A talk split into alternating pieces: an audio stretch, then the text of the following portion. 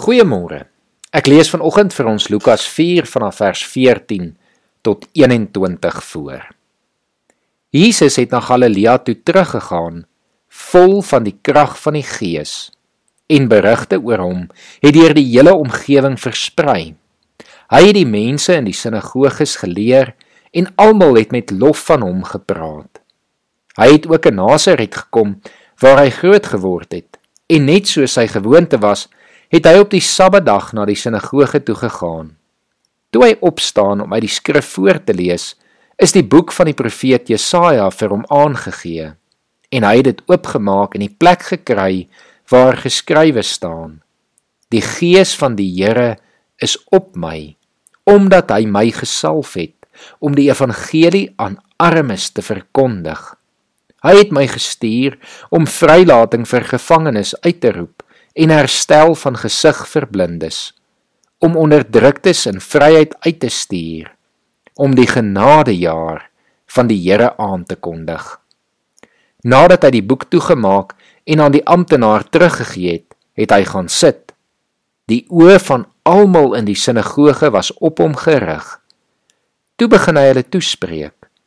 Vandag is hierdie skrifwoord wat julle nou net gehoor het vervul Jesus se koms beteken redding.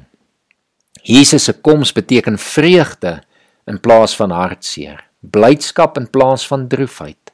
Jesus het gekom om die wat moedeloos is op te beheer en vrylating aan te kondig vir die wat gevange is.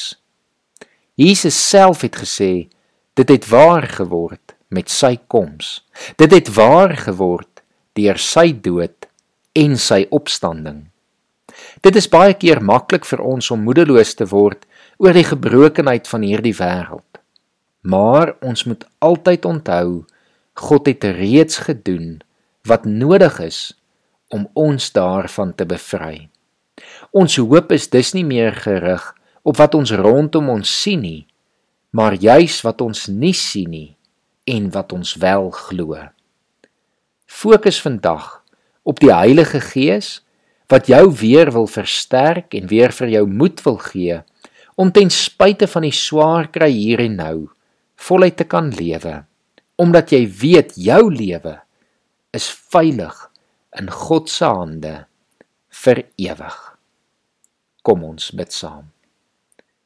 Here dankie dat ons vanoggend bewus kan word dat u gesê het maar dis deur u dat die evangelie die goeie nuus van vrylating en van hoop en van 'n nuwe toekoms vir ons aangebreek het.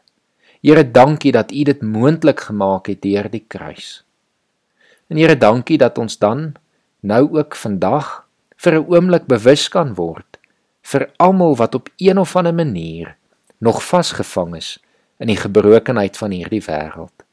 Here ons weet wanneer ons bewus word van u koninkryk wat gekoppel is aan totale vryheid.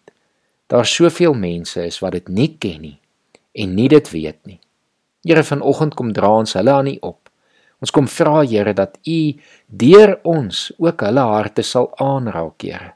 Dat u vir ons geleentheid sal gee om te vertel van wie u is en wat u gedoen het.